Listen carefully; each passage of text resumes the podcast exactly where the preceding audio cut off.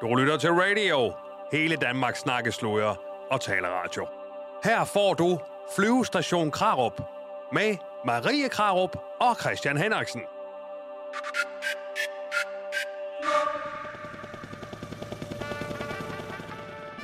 Marie Kraup er kendt for markante holdninger og meninger, og for at se visse ting modsat den gængse danske forståelse, inklusiv min egen. Det gælder særligt krigen mellem Rusland og Ukraine. Nu skal hun i dette program sammen med gæster, hun har inviteret ind, og søge at overbevise mig, Christian Henriksen, om at det er hendes vinkel, der er den rigtige. Du er fløjet ind på flyvestation Krav. Jamen, øh, velkommen til flyvestation Krav. Du er lige fløjet ind, dig der sidder og, og lytter med, og, og, og en, der også er fløjet ind, en, der faktisk er jeg skal måske kalde dig for flyveleder øh, på den her flyvestation. Det er dig, Marie Krav, øh, tidligere folketingspolitiker. Ja, og igen skal jeg til at sige velkommen til, men det er jo nok mere mig, der skal have et velkommen af dig, for det er jo dit program. Jamen, øh, tak skal du have. I dag har vi øh, besøg af en af de mennesker i Danmark, der ved mest om Ukraine og Ukraine-konflikten. Og det er historiker og forfatter Jens Jørgen Nielsen. Og øh, Jens Jørgen Nielsen har øh, skrevet øh, op til flere bøger om Ukraine og Rusland, og du har deltaget i debatten om øh, Ukraine og Rusland i en øh, del år. Desværre ikke så meget på det sidste, fordi der er debatten blevet meget ensidig. Der har man ligesom kun været interesseret i i medierne at høre en side. Og det er derfor, jeg synes, det er så vigtigt, at øh, du er her i dag, fordi du har en anden vinkel på øh, Ukrainekrigen. Så velkommen til. Mange tak. Må, må jeg så bare lige bryde ind der allerede nu? Fordi nu snakker vi anden vinkel, og, og, og, og, og din vinkel, Jens Jørgen, er ikke blevet hørt så meget, og du taler, Marie, om, om en ensidig vinkel i medierne. Øhm, så tænker jeg bare, og det gør jeg jo generelt, jeg er jo, jeg er jo så måske lidt den, som du måske vil synes var, var dum, den, den, den der kører efter den, den ensidige vinkel, der så, der så nu engang eksisterer. Er, er den i så fald forkert så? Altså findes der nogen objektiv sandhed omkring for eksempel krigen i Ukraine, men nok være mit spørgsmål. Altså, jeg, jeg mener, at hvis vi tager det sådan det helt store, helt op på den store klinge, så findes der altid en objektiv sandhed, men vi mennesker kan ikke erkende den. Og derfor ser vi alle sammen en vinkel. Vi ser stykkevis og delt, som, som Paulus siger. Øh, så vi kan ikke øh, se den hele sande sammenhæng, men vi skal selvfølgelig tilstræbe at se så klart som muligt. Og det synes jeg er det, der er problemet i medierne i dag, at der har man ligesom droppet den her idé om, at man skal forsøge på at være objektiv, eller i hvert fald nuanceret, det vil sige give plads til forskellige syn på øh, konflikten. I dag har man en kun ét syn øh, på den. Er det her så stedet, man går hen for at få nuancen, eller for at få den rene sandhed? Her går man hen for at få nogle nuancer, for den rene sandhed, den besidder vi heller ikke. Vi forsøger at øh, se tingene fra så mange sider, som vi kan, og ikke udelukke nogen. Men vi besidder heller ikke sandheden. Det er der ikke nogen, der gør. Men vi skal alle sammen bestræbe os på at komme så tæt på den som muligt. Og det gør man kun, hvis man hører alle sider. Efter min mening. Det var min lille trosbekendelse. Ja, og i dag begynder vi så med at stille vores gæst et kort spørgsmål om, hvad er årsagen til Ukrainekrigen? Ja, det var noget af et spørgsmål, øh, et, et, et stort spørgsmål, og jeg er jo historiker, og historikere de er per definition og nærmest langhåret og med lange svar, men jeg skal prøve at gøre det så kort som muligt. Og, øhm, og øh, jeg vil sige, at Ukraine, den har mange år bag, den har været i gang. Det er jo ikke noget, der sådan lige er kommet ud af den blå luft. Den har været i gang. Der har en lang forhistorie, det kan vi komme ind på lidt senere i programmet. Og, og hvis jeg sådan skal kode det lidt ned, så er der i hvert fald to ting, to sæt af, af årsagskomplekser, som er baggrund for det. Den første, det er NATO-udvidelsen, ja. øh, som, som begyndte jo der i uh, slutningen af 90'erne, øh, efter at Warszawa-pakten var ned, nedlagt, og efter at, at Sovjetunionen tog sig tilbage, så var der en ny situation i Europa, mm. som ikke er blevet løst. Ja. Øh, Rusland er utilfreds på den situation, der er omkring NATO, så der er ikke nogen tvivl om, at, at hele det her spørgsmål omkring NATO spiller en kæmpe, kæmpe mm. afgørende rolle for Rusland. Ja. Det er den ene ting, og den anden ting, det er jo så, at Ukraine jo ikke er sådan et homogent land, som, som for eksempel Polen, naboland Polen er det. I Polen der er jo 98 jo polstalende og katolikker. 98 procent, ja. Så, så noget, i, I Ukraine der er den jo sådan stort set del midt over sådan groft sagt, øh, med nogle mellemtoner selvfølgelig, men groft sagt, der har du en nordvestlig del, som er meget orienteret mod vest, taler i vidt omfang ukrainsk og øh, orienteret mod Europa, og du har en østlig sydlig del, som traditionelt tidligere har været under Rusland, og som er russisk talende, og som forstår det at være ukrainer som at være meget tæt på Rusland. Altså, der er to forskellige opfattelser af det, det vil sige at være, være ukrainer. Altså, de to ting i foreningen, da de så begyndte at, og, og arbejde sammen, så var kursen sådan set lagt for en større konflikt. Det første emne, vi har på dagsordenen i dag, det er øh, nemlig synet på Ukraine som en nationalstat. Jeg synes, at jeg hører meget i debatten, at øh, Ukraine det er sådan en nationalstat ligesom Danmark, hvor man har et sprog og øh, en slags mennesker og en majoritetsreligion. Øh, øhm, men er det hele sandheden? Altså, ser alle ukrainere ens på, hvad det er for en stat, de har, og hvad det er for en stat, de ønsker? Nej, selvfølgelig ikke. Altså det, det, jeg har rejst meget i Ukraine, jeg har været journalist, jeg har boet der i perioder, både i øst og i vest. Jeg har venner, øh, personlige venner, som jeg taler jævnligt med, nogen som bor i Danmark, både nogen, der kommer fra Donetsk, Kiev, og jeg har nogen, der kommer fra den vestlige del af Ukraine også. Ikke? Og, og, øhm, og øh, de, øh, de ser meget mere nuanceret på de her ting. De har meget, meget forskellige opfattelser af det, og det gør sig også gældende med, jeg har været tolk for, for meget ukrainske flygtninge og har snakket meget, meget med dem også, så, så jeg har et personligt kendskab til de ting. Og, og, og det er jo fuldstændig klart evident, at hvis man ser sprogligt på det, så den sydøstlige del taler russisk, og tidligere, hvis man kigger på politikere, så stemte de på nogle bestemte politikere, som ønskede et tættere forhold til Rusland, som ønskede at bevare det russiske sprog. Dem vest nordpå, de øh, stemte på politikere, som ønskede at fjerne russisk som et sprog, og klippe båndene til Rusland og knytte sig tæt til Europa, for at de skære det lidt skarpt til.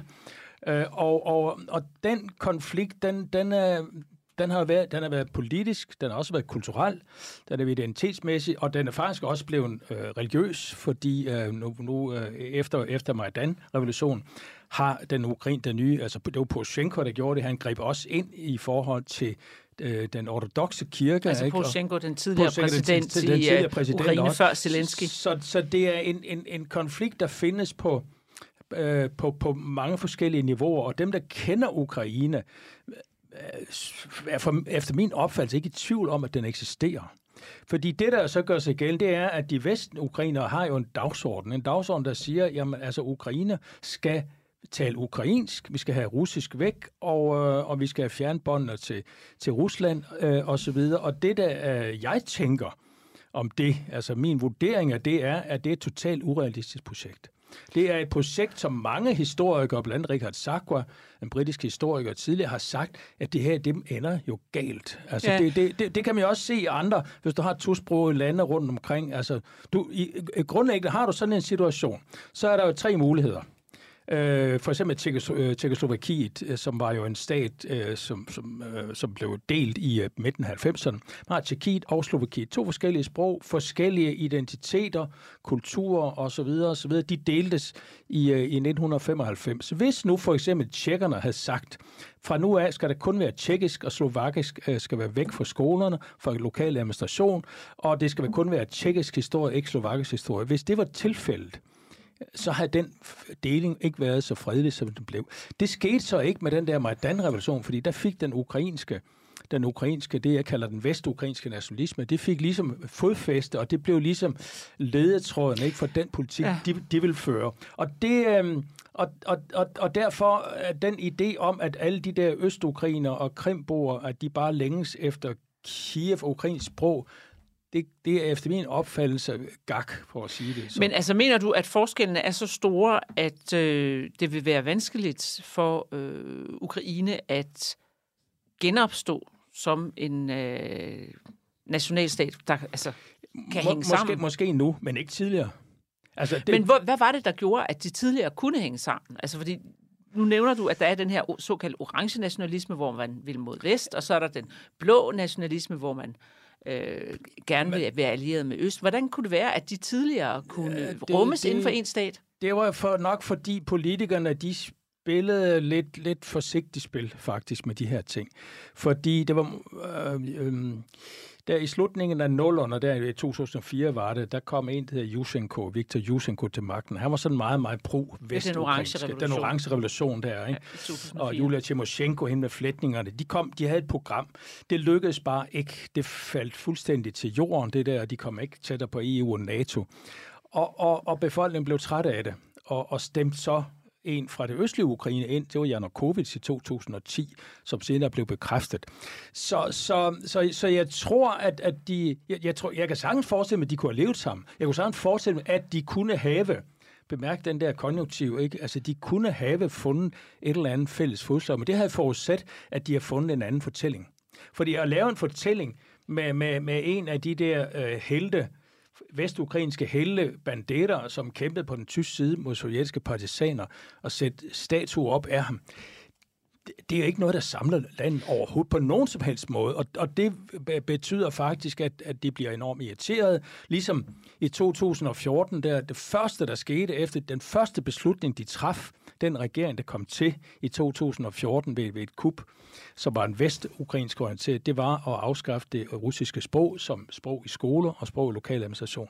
Og det var en voldsom provokation, som, som øh, som jo allerede der skabte enorm misforhold, som ikke er nødvendigt. Det er totalt unødvendigt at gøre det. Men jeg har lige et spørgsmål, fordi altså, når vi tænker på EU og europæiske værdier, så er det jo meget tit, vi taler om, at man skal øh, sørge for, at forskelligheder kan leve sammen, ja. at man skal være multikulturel, og man skal forsvare minoriteters øh, ja. rettigheder. Og øh, ukrainerne i vest, de ønskede jo lige præcis tæt tilhørsforhold ja. til øh, EU. Ja. Øhm, og EU har også jo altså været interesseret i Ukraine og tilbudt en EU-associeringsaftale. Det, som undrer mig, det er, hvordan kan det være, at EU ikke har interesseret sig for, at man førte en øh, politik over for minoriteter i Ukraine, der gjorde, at, at man kunne være mere sammenhængende? Altså, hvordan kan det være, at EU åbenbart er kommet til, fordi jeg ved ikke, om det er med vilje, at støtte en, en form for nationalisme, som, som øh, var, altså måtte føre til konflikter med øh, minoriteterne? Jamen, det svar vil jeg også gerne have. Altså, for jeg har undret mig meget over det, ikke? for jeg synes, det er så åbenlyst. Ikke? Fordi altså, når man hører EU-politikere, ikke, så taler de om minoritetsrettigheder og øhm, etniske mindretal, religiøse mindretal, og, og, og det er sådan et, et, et, næsten et stadig omkvæd, som vi hører, eller det er, sådan, det er de værdier, vi kæmper for. Men efter to, februar 2014, kan jeg ikke mindes stort set en eneste gang, hvor EU har været ude og øh, åbent og kritisere øh, den, den ukrainske regering for den, øh, for den politik, mm. som de jo faktisk, hvis de havde tænkt sig om, måtte vide, ville føre til en konflikt. Men... For, fordi, fordi jamen, altså forestil jer, forestil jer i Belgien, ikke, at, at, at, at lige pludselig må man ikke tale fransk, øh, mm. valonerne, de må ikke tale fransk. Det ville skabe et ramaskrig. Ja. De gjorde det så ikke, og, og, og, og mit, mit bedste svar, og det, det er ikke et, et, et, et objektivt svar, mit bedste svar er, at nok hvis det havde været nogen andre end russere, så havde det måske været en anden sag, og det er ikke øh, politisk korrekt måske, men det er mit bedste svar på det. Mm-hmm. Øhm, altså fordi russere så i, i den her sammenhæng er er de onde i gåseøjne, og derfor Jamen, er det bedre at undertrykke? Fordi der kommer jo også, der er også en anden ting, som jeg ikke har nævnt. Der er også hele den der nye sådan ideologiske dagsorden, ikke? at uh, vi kæmper i Vesten for demokrati, mm. LGBT-rettigheder og homoseksuelle og en, alle sådan nogle, nogle ting, hvorimod Rusland og dem, der støtter, dem, der ønsker at samarbejde med Rusland, ikke? de støtter, øh, de går imod de ting. Så fronten, den værdimæssige front, sådan i anførselstegn går så et eller andet sted der midt i Ukraine med de autoritært sindede på, på, på den, den østlige side, og de ukrainsk demokratisk sindede på den anden side. Det er ikke en opfattelse, jeg, jeg deler, men, men, men det er en opfattelse, som jeg tror er meget udbredt. Måske mere eller mindre udsagt.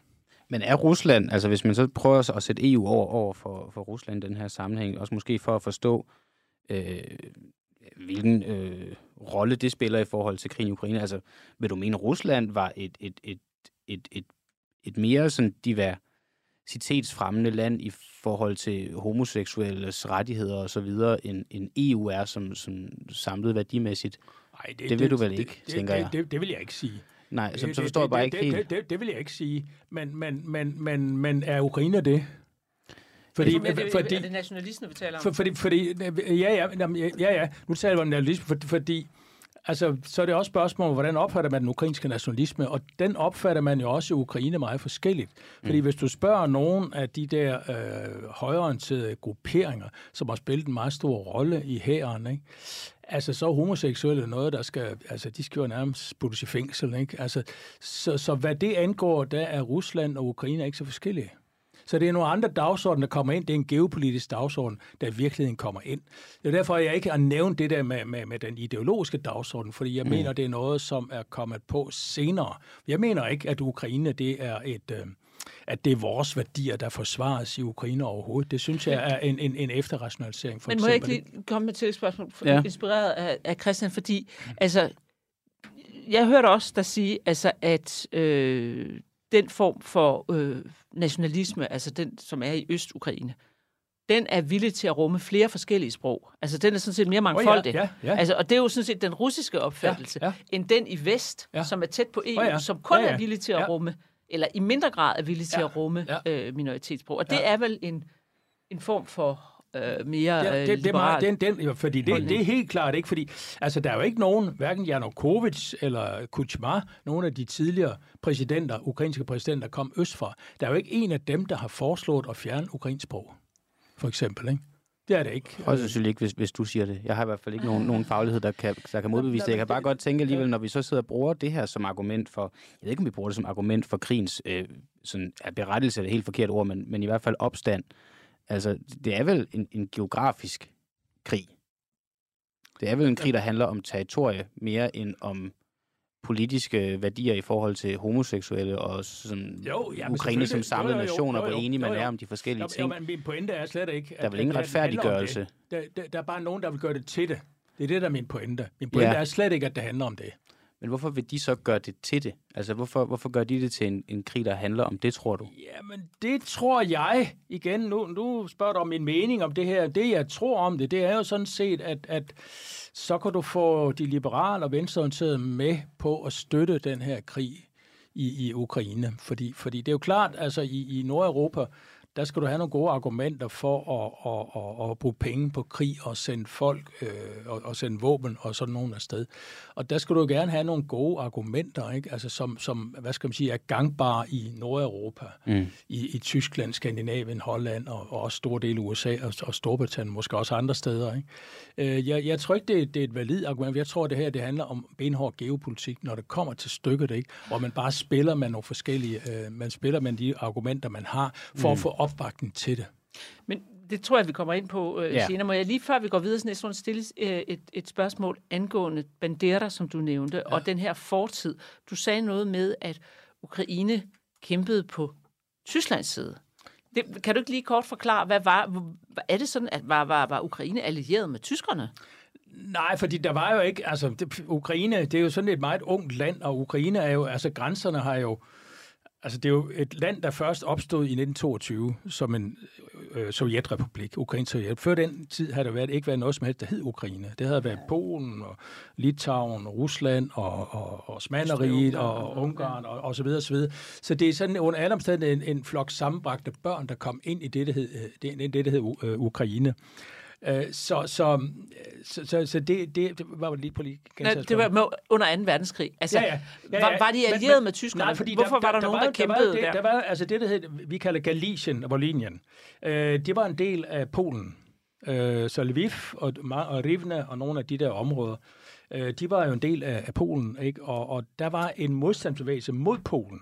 Og en af lederne hed uh, Stepan Bandera, som blandt andet kom i fængsel, fordi han var med til at dræbe den polske udenrigsminister, og det må man jo ikke, så man kommer i fængsel. Uh, og, og, um, og så kom tyskerne til, og så slap de ham ud i første omgang. Han kom så ind igen, men de kunne jo så bruge ham, og Bandera troede, at tyskerne ville hjælpe med at oprette en ny ukrainsk stat.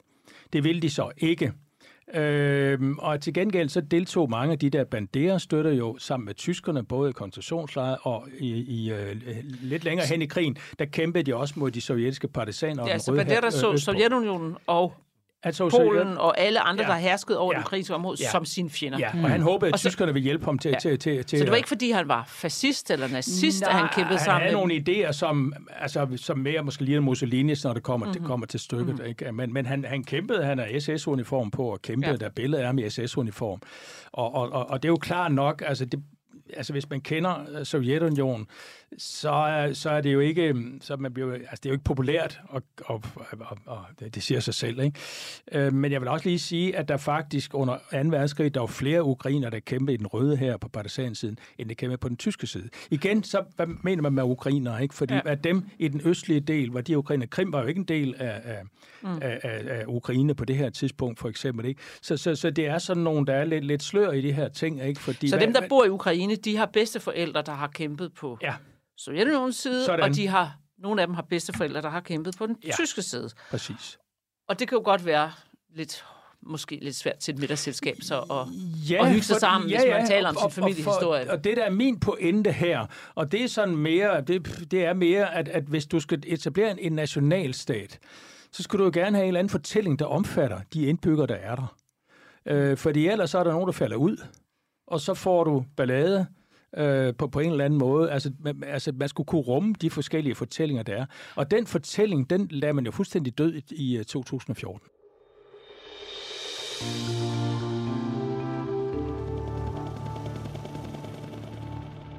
Så er vi nemlig allerede nået frem til vores øh, næste emne, som er det, der sker i 2014, som af nogen kaldes Majdan-revolutionen, af andre kaldes øh, værdighedsrevolutionen, af nogen kaldes for et kup, og for andre øh, kaldes en øh, demokratisk øh, og øh, europæiseret udvikling i Ukraine. I hvert fald så sker der noget, hvor Janukovic, den daværende præsident, han øh, mister magten, og der kommer et øh, nyt styre til. Og det sker jo alt sammen i forbindelse med, at Janukovic siger nej til en associeringsaftale med EU. Så det er EU-spørgsmålet, der, der splitter øh, ukrainerne. Men jeg kunne godt tænke mig at høre, hvad du mener, øh, der skete der. Altså, var det en demokratisering, eller var det et kup? Eller hvad, hvad, hvad skete der på Majdan den 22. februar 2014? Jamen altså, jeg vil sige, næsten uanset hvordan man ser på det, og hvad man mener, og hvem man sympatiserer med, så er det svært at komme ud om den konklusion, at det var et kup. Altså, det var et militær kup med bevæbnede folk, der angreb parlamentet, bevæbnede folk, der angreb øh, præsidentens administration, øh, lokal administration øh, øh, osv. osv. Øhm, åbenlyst støttet også af vestlige politikere, både tyske politikere, amerikanske politikere og andre, øh, som var der. Jeg har meget været svært at se, at det er noget som helst andet, og, og, øh, og Janukovic flygtede, og, øh, og så tog de magten på en måde, som var slet ikke i overensstemmelse med den ukrainske forfatning. Altså, det, det, den officielle forklaring er, at Janukovic frivilligt forlod magten, og at øh, øh, hvad hedder det, parlamentet så øh, afsatte ham ved en, en flertalsafstemning, og så indsatte en, en midlertidig præsident, og EU og USA godkendte det øh, med det samme. Det, så i den officielle variant, Jo, så jo. er det både Jo, jo. en, en Jo, jo. vestlig accepteret og Jo, jo. acceptabel måde at gøre det på. Men, men, men det, som Janukovic gjorde, det var, at han trak sin Berkut tilbage, da der var øh, opstand, og der var mange, der blev dræbt og så videre. Og det gjorde så, at de der bevæbnede Majdan, altså det er jo ikke fredeligt. Den der illusion, man har om, at det sådan var nogle fredelige, liberalt sindede, der gjorde oprør på en gandig måde, det er slet, slet, slet ikke rigtigt, ikke? fordi der var jo massevis af dræbte. Ikke? Og, og, og, og, øhm, og de der Majdan-folk, de tog jo hen på det, der hedder Regionernes Parti, som er Janukovics parti, og dræbte to, som var derhenne og satte ild i, i huset, øh, og, og truede os ganske klart på Majdanpladsen, der er også YouTube-videoer, der viser det. Så han flygtede, for han var bange for sit liv. Og der kan man sige, at han var måske, og jeg har ikke stor respekt, beundring for, for Janukovic, men, men han var den folkelige valgte præsident. og han nægtede og- faktisk at gå af. Han nægtede at gå Altså, af, fordi han, han, han tog så til Kharkiv, og så senere så Ja. flygtede han øh, omvej til, til Rusland. Og han sagde, at ja, den retmæssige præsident, ja. hvad han også var. Fordi for at, for at, at, at fjerne ham, så skulle man ifølge forfatningen have to tredjedele, og det var der ikke i parlamentet. Ikke? Så der var ikke nok ifølge forfatningen Nej. til det. ikke. Så, så, så det er jo Janukovic, der ifølge forfatningen var præsident. Så kan man jo sige alt muligt. Men, men så dem, der kom til, kom altså til på, på en, hvad skal man sige, en, en, en uh, ikke-demokratisk måde, og ydermere, så var der jo også, der er også masser af YouTube, der viser, ikke, at der var de der Majdan kæmper der, ikke? De var inde i parlamentet også, ikke? Og de var inde, de truede, og der var mange, der flygtede øh, øh øst på os, ikke? Men hvorfor så... gjorde de det? Altså, det, det tror jeg, man som lytter, og egentlig ja. også som mig, stadig sidder og tænker over. Altså, hvad, hvad er det, de gør op med? Altså nye styre. Ja. Øh, det, øh, hva, hva, jeg skal lige hvorfor hvorfor skulle han afsættes? Altså, hvorfor, hvorfor, hvorfor opstår Majdan-revolution? Hvorfor, hvorfor, øh... Jeg vil sige, der er nok to lag, man, man skal forstå, fordi øh, det første lag, og dem, der starter med at demonstrere der i slutningen, allerede der øh, omkring 1. december, slutningen af november, der begyndte der at komme nogle mindre demonstrationer mm. også. Ikke? Altså fordi jeg nu kunne sige nej til EU. Han sagde nej til EU. Okay. Øh, han, han var i Vilnius også, ikke? og han sagde nej, og det kan vi jo godt diskutere, fordi jeg synes ikke, det var så god en altal, men, men, men det kan vi diskutere. Men han sagde i hvert fald forløbe nej til det. Ikke et endegyldigt nej, men sagde forløbe nej. På de betingelser kunne han ikke skrive under på det i, i Vilnius. Så kom der jo nogle de, demonstranter, og de første, det var jo sådan liberale, sådan offentligt pæne ansatte, øh, og, øh, og øh, som havde en dagsorden, der hed EU, liberale rettigheder og sådan nogle ting. Og det er ting, som, nå ja, det synes jeg havde måske også gået der, hvis jeg havde været der og havde oplevet den korruption, der var der. Mm. Det der så var tragedien, det var jo, at der var nogle, nogle grupperinger, som ikke er voldsomt repræsenteret i befolkningen, men som til gengæld var meget skrupelløse, og de var bevæbnede, og de var, havde nogle meget, meget ekstreme holdninger. Så deres opfattelser var langt, langt væk fra mainstream EU det var sådan nogle sådan halvfascister. Nogle, det var sådan mere rockergrupper, eller huligangrupper, og, og sådan nogle ting. Mm. Det, der hedder højre sektor blandt andet, ikke? og Azov-bataljonen kom ind. Jeg læste mange af deres programmer, og det er ubehagelig læsning, vil jeg sige og, og, og, og, og Nepo 1 og Nepo 2 øh, og så videre. Og det er jo dem, der sådan kom til at dominere mere og mere, og det er jo dem, der fremmede konfrontationen med, med politiet, som øh, efterhånden, som det skred frem de næste par måneder, frem, frem til februar, hvor der var teltlejre øh, øh, øh, på stedet der. Øh, så de havde, faktisk må man jo sige, at de to havde de to grupperinger, altså de liberale pro-EU, og så de der øh, øh, de bevægede grupper, de havde faktisk to ret forskellige opfattelser af, hvad Ukraine det skulle være. Okay, men, men det kommer alligevel som, som et opgør mod, altså det er jo ikke nogen hemmelighed, at Ukraine nok i en eller anden grad stadig er, men i hvert fald i høj grad har været et, et korrupt land. Ja, det er, lige, for det er lige så korrupt i dag, som det var tidligere. Der, så der er det et ønske om at gøre op med den korruption? Ja, og det er klart, og, og det kan jeg Det kan man vel ikke fortænke nogen i? Nej, kan man ikke. Øh, pro- problemet er bare, at sådan som det skete der, så, øh, så gjorde man ikke op med korruption. Du fik bare nogle andre øh, til magten, ikke? Du fik, mm. og du fik nogle andre problemer yderligere i, i det. Altså, det er jo ikke en særlig... Det der med at sætte, at sætte de der øh, det, der virkelig øh, skete, det var, at, at de der øh, mil, militser fik en uforholdsmæssig stor magt i regeringen bagefter. Ikke? Og satte nogle, nogle dagsordner. Så, så, så du, havde, du havde jo både de der liberaler, der ønskede liberale reformer, og så havde du de der, der havde sådan meget, meget tilbageskuende, sådan halvfascistisk øh, opfattelse. Men det er nogle dagsordner, der så stadig eksisterer i Ukraine den dag i dag. Og hvad er det i så fald for nogle dagsordner? For det lyder til, at du synes, at det er nogle, øh, nogle ret grimme dagsordner. Ja, jeg synes, det er meget grimme dagsordner. Ikke? Men eksisterer altså, de i Ukraine i dag? Ja, det gør de. Og hvad for, er det for, for nogen? Altså, jamen, det er jo sådan nogen med... Øh, altså, det er jo sådan nogen med... Altså, det er jo ikke nogen der er særlig venlige over for homoseksuelle. Mm. Det er ikke nogen, der er særlig venlige over for folk, der taler et andet sprog end ukrainsk, for eksempel. Ikke? Og hvis du tager en af de berømteste Azov, ikke? jeg var inde og læste på deres hjemmeside i dag 2014-15, og det var sådan noget med den hvide race og blod og alle, alle de der sådan ting, ting vi kender.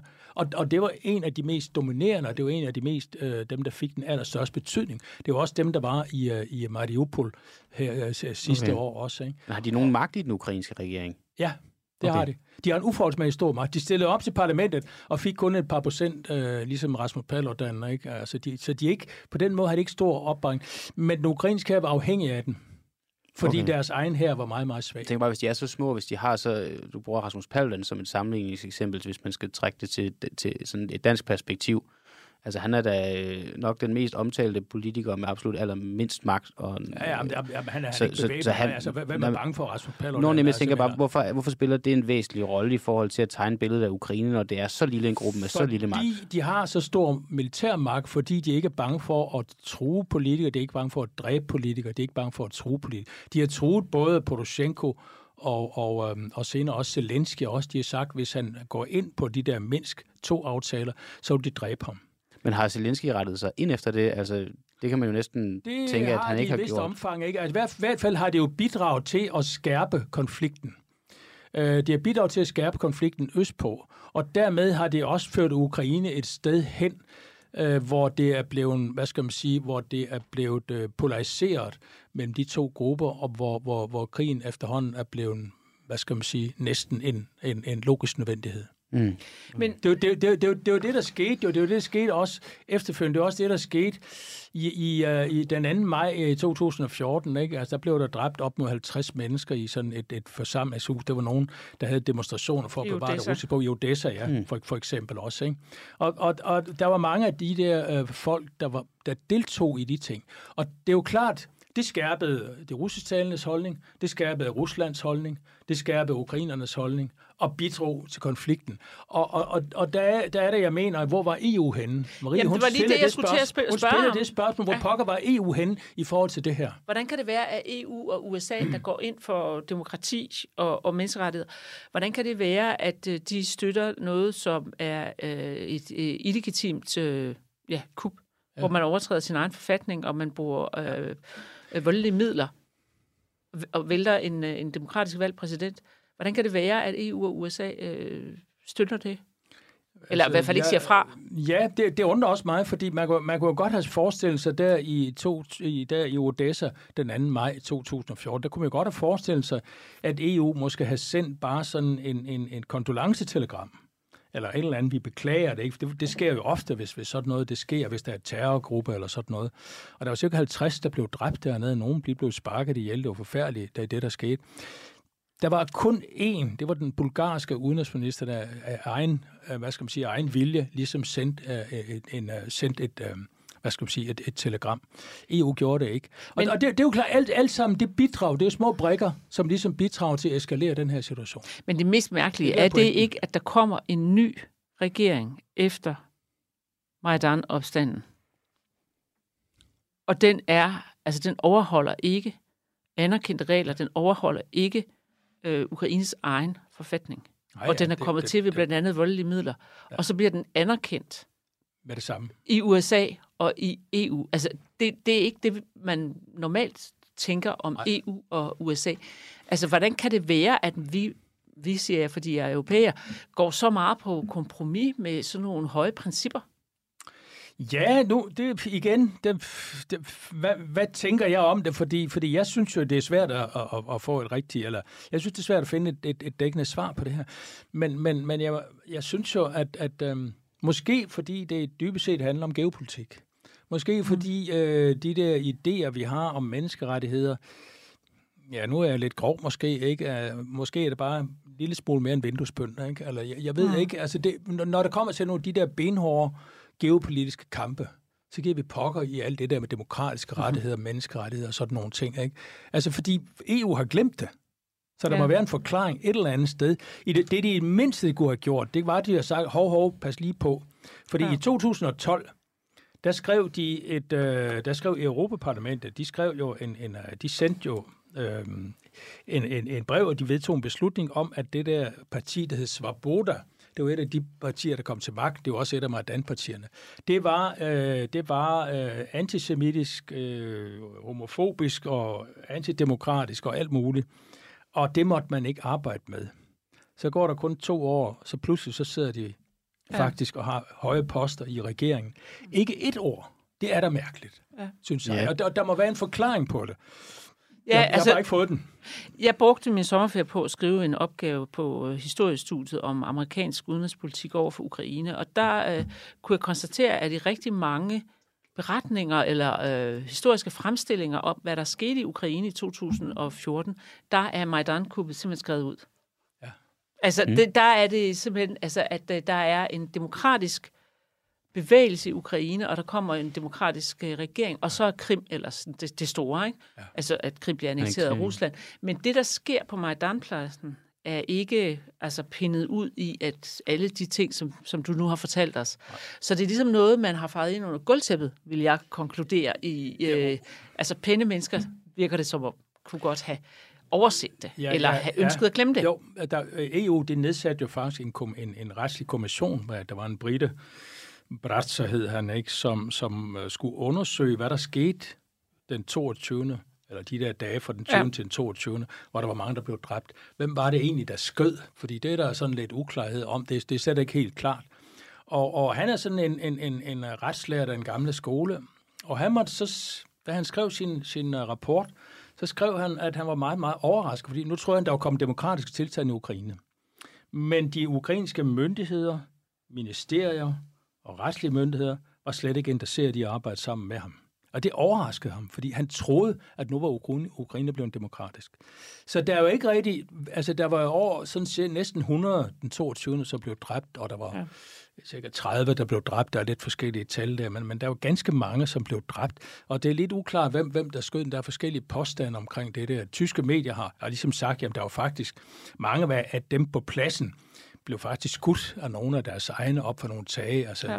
og, så, så der er uklarhed om det, og der har ikke været retslig øh, øh, opfølgning på det. Men, men, øh, men den der rapport, for Bratzers rapport, det blev sådan hurtigt sådan skubbet lidt af vejen, ikke? fordi det var sådan lidt ubekvemt. Det var meget bedre at snakke om, om, om en demokratisk revolution.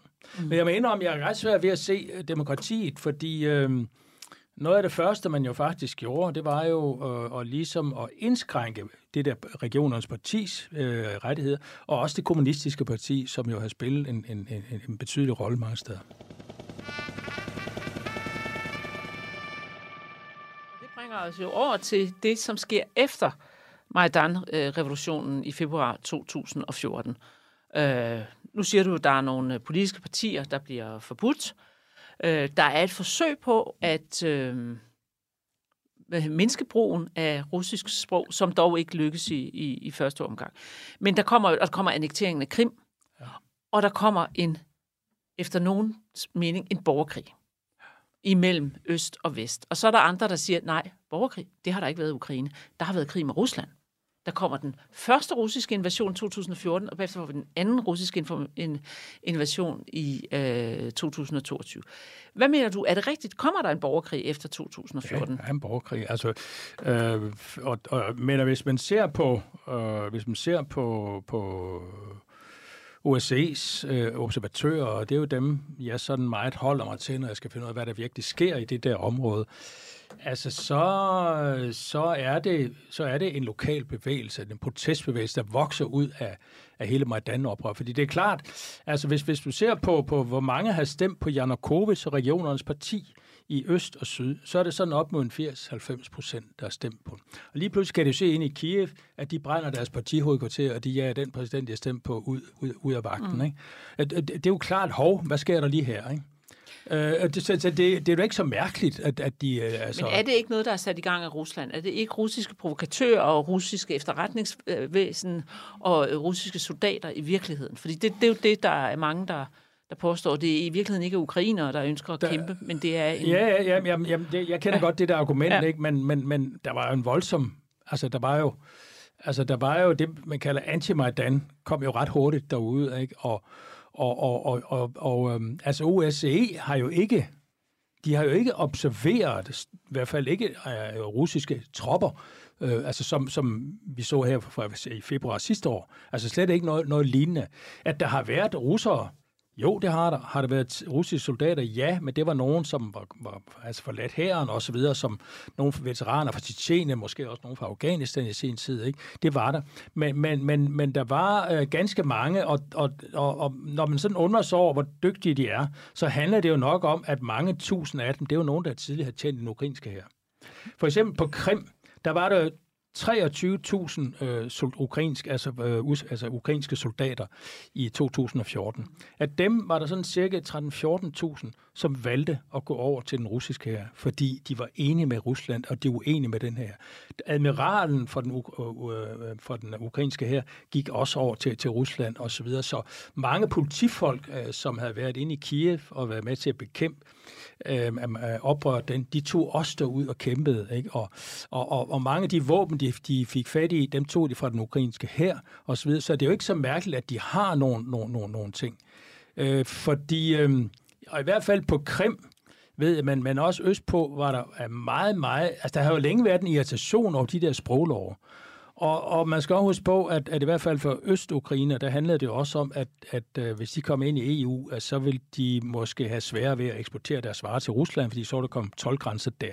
Så der var også en økonomisk grund til, at de er uenige i, i, i de her ting. Men du siger, der var ikke nogen russiske tropper, men var der russiske våben? For eksempel, du Rusland våben til oprørsgrupperne. Ja, nu, nu kan det jo være svært at afgøre, fordi de der våben, som den ukrainske her havde, det var de traditionelle sovjetiske våben, ikke, som, som, som alle havde. Om de kom fra fra, fra Ukraine eller fra Rusland, det kunne være, være svært at sige. Men, men, men det er vel væsentligt i forhold til, om Rusland jo, har spillet klart, en rolle. Altså, Rusland støttede bevægelsen, ikke? Mm. Men man skal også huske på, at i... Men hvordan støttede de den? Altså bare retorisk, eller også retorisk, med midler? Altså, de støttede retorisk, ikke? Men ingen men, midler? Men ikke, ikke, altså, ikke officielt. Og, og, og, og mange af dem, der var ham der, øhm, Strelkov, Grigora Strelkov, det var hans, hans øgenavn, ikke? Altså, han havde jo været i militæret, han havde været i efterretningsvæsenet også, ikke? Men han var jo gået fra, og han kritiserede Putin for ikke at være hård nok. Han synes, mente jo, at Putin skulle tage øh, Donetsk og Lugansk, som mm. han havde taget i Krim. Øh, de og, havde også en folkeafstemning. De havde også en folkeafstemning. Ja. Og, og noget, man lige skal være meget opmærksom på, som man tit glemmer, Putin var modstander af den folkeafstemning, som Lugansk og Donetsk de afholdt i maj. Jeg sagde, nej, I skal blive i Ukraine. Det glemmer man jo tit. Så, Fordi så, at den folkeafstemning viste, at beboerne i, i, i de områder gerne vil være russiske? Eller hvordan? Jeg skal bare lige forstå det rigtigt. Nej, han mente, de skulle blive, og så skulle de kæmpe for, at Ukraine ikke blev medlem af NATO. Mm.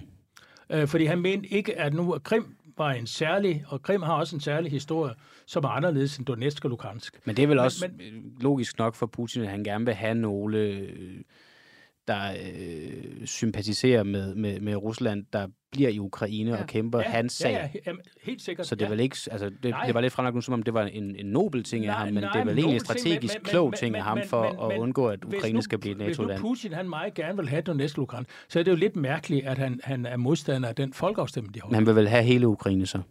Det er nej. vel, al, nej, nej, altså, han, jamen, altså russernes mål, og det har russerne ikke lagt skjul på, det er, at Ukraine skal forblive neutralt. Mm. Russerne vil med djævelens vold og magt forhindre, at Ukraine bliver medlem af NATO. Ja. Det er helt tydeligt, og det er der ikke nogen, der har skjult, øh, mindst af alt Putin. Det, det er helt øh, øh, glasklart. Men så er det vel heller ikke hans gode hjerte over for Ukraine? At det taler ikke om gode hjerter, og det, det, det, det, det foregår ikke. Nå, det er bare for at forstå, hvad, hvad, hvad hans rolle er i det, når han så vælger at sige, I skal ikke ønske at blive russisk, I skal forblive ukrainske, så er det vel for at have nogle af hans egne, i øjne, folk ja. på ukrainsk jord, for at undgå, som du også men, selv siger, at Ukraine skal blive NATO-land. Men, men man glemmer, altså han var jo modstander af den øh, folkeafstemning. Jamen, det er det, jeg siger. Ja, altså modstander af, at den folkeafstemning, der skulle kunne afgøre, ja. hvorvidt de kunne blive russere. Nej. Hvad, hvad, hvad ja, var ja, det? Jo, jo, jo, jo, jo det, det, det er rigtigt. Nej, han var modstander af den der folkeafstemning, ikke? fordi han mente, at de skulle blive Ukraine. Ja, det er med på. Ja. Men det er vel også noget, der taler i hans favør, at de bliver det. Jo, det kan man, det kan man For at holde styr på Ukraine, have nogle af hans egne, igen bruger gåsøjne folk. Nu, nu er der de der to relativt små områder der, ikke? men jo, han vil have indflydelse i Ukraine, ingen mm. tvivl om det. Ja, okay. Altså, det er jo ikke sådan det gode hjerte. Nej, nej, han vil have indflydelse. Han vil sikre sig, at, at, at Ukraine, eller Rusland har indflydelse i Ukraine. Ingen ja. det. Men, altså ja, øh, nu, nu, nu er du så allerede kommet ind på det, som egentlig skulle være vores øh, sidste emne, nemlig, altså at, ja, skal vi have den her melodi?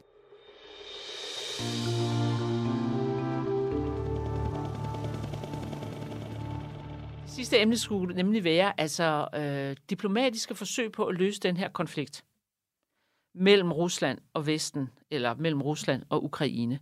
Har der været det, og, og, og, og hvad kan vi egentlig koge konflikten ned til? Fordi nu har vi lige talt om, at der er den her borgerkrig i øh, Øst-Ukraine, øh, som handler om russisk sprog og om EU-tilknytning i forhold til tilknytning til, til Rusland.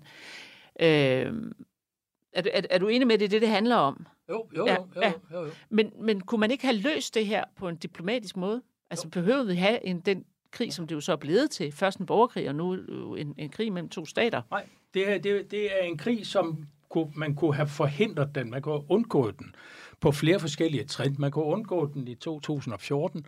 Man kunne også undgå den der i uh, december uh, 2021, da Putin, midt i december, da Putin han fremstillede nogle, nogle forslag til, til nogle forhandlinger om, at øh, Ukraine skulle forblive neutralt.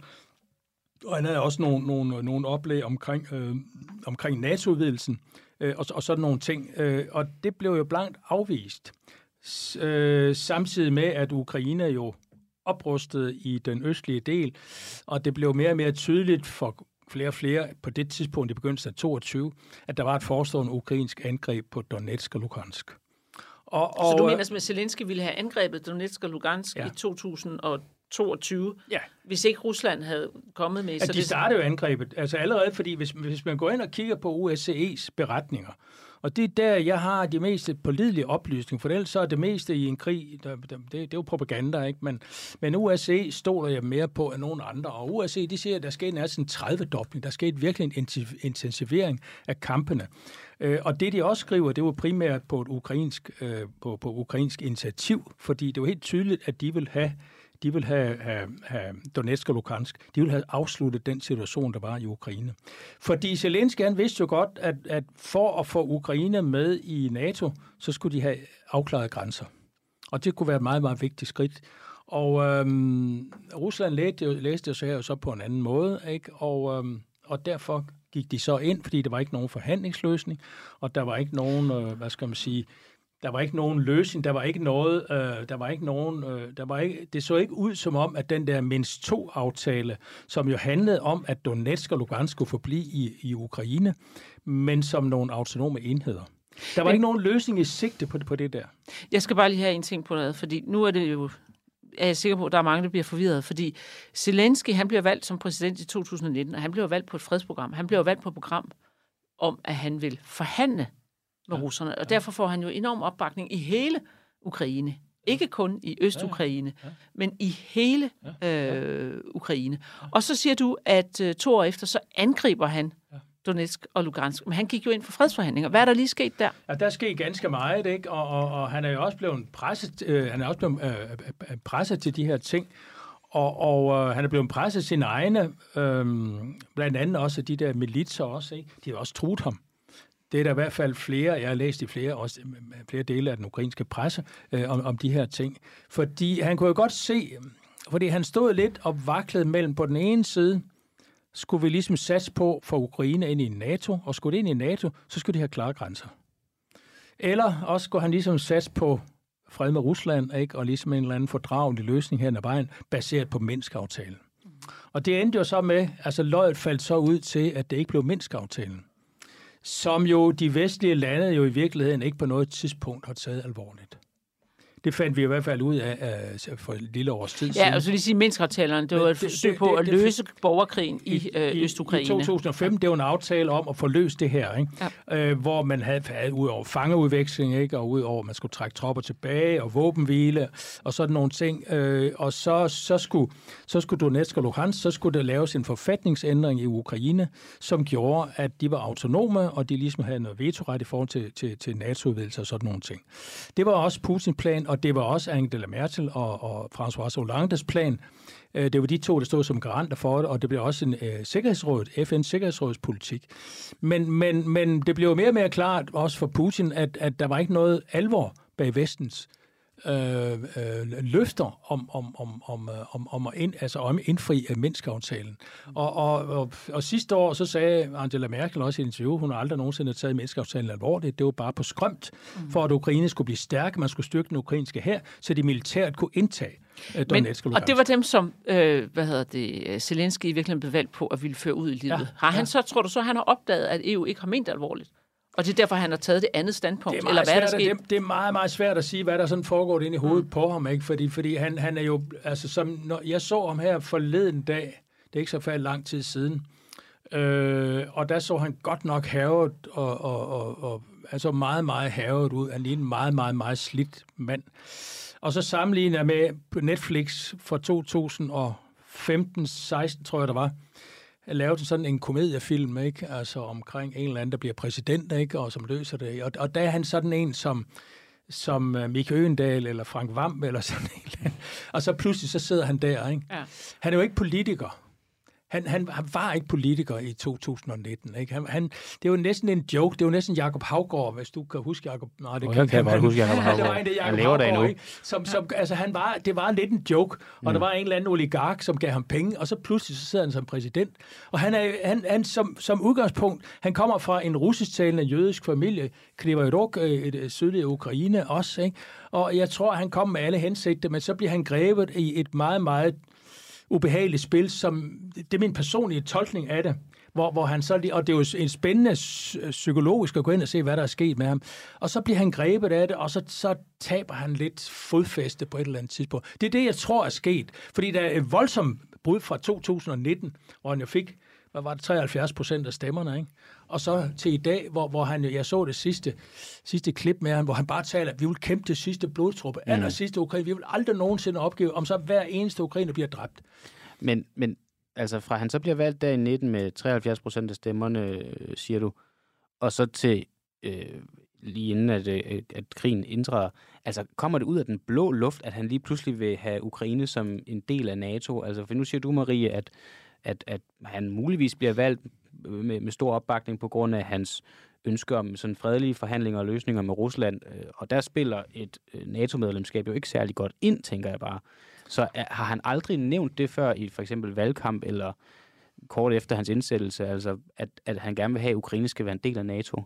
Ikke, så vidt jeg husker, nu, nu så jeg ikke det hele, men jeg har ikke på noget tidspunkt, jeg fulgte også noget af, af valgkampen der på forskellige vis, jeg har ikke på noget tidspunkt hørt ham sige noget om, om, om, om NATO. Det, det var meget et underspil på det tidspunkt, fordi det handler om at få en aftale, en eller anden form for aftale med, med Rusland. Det kan godt være, at han har gjort det. Mm. Jeg, jeg har bare ikke været opmærksom på det. Det, er ikke- det vil ikke være særlig fremtrædende i hans kampagne dengang. Det er jeg helt sikker på, at, Okay. at, at det ikke har.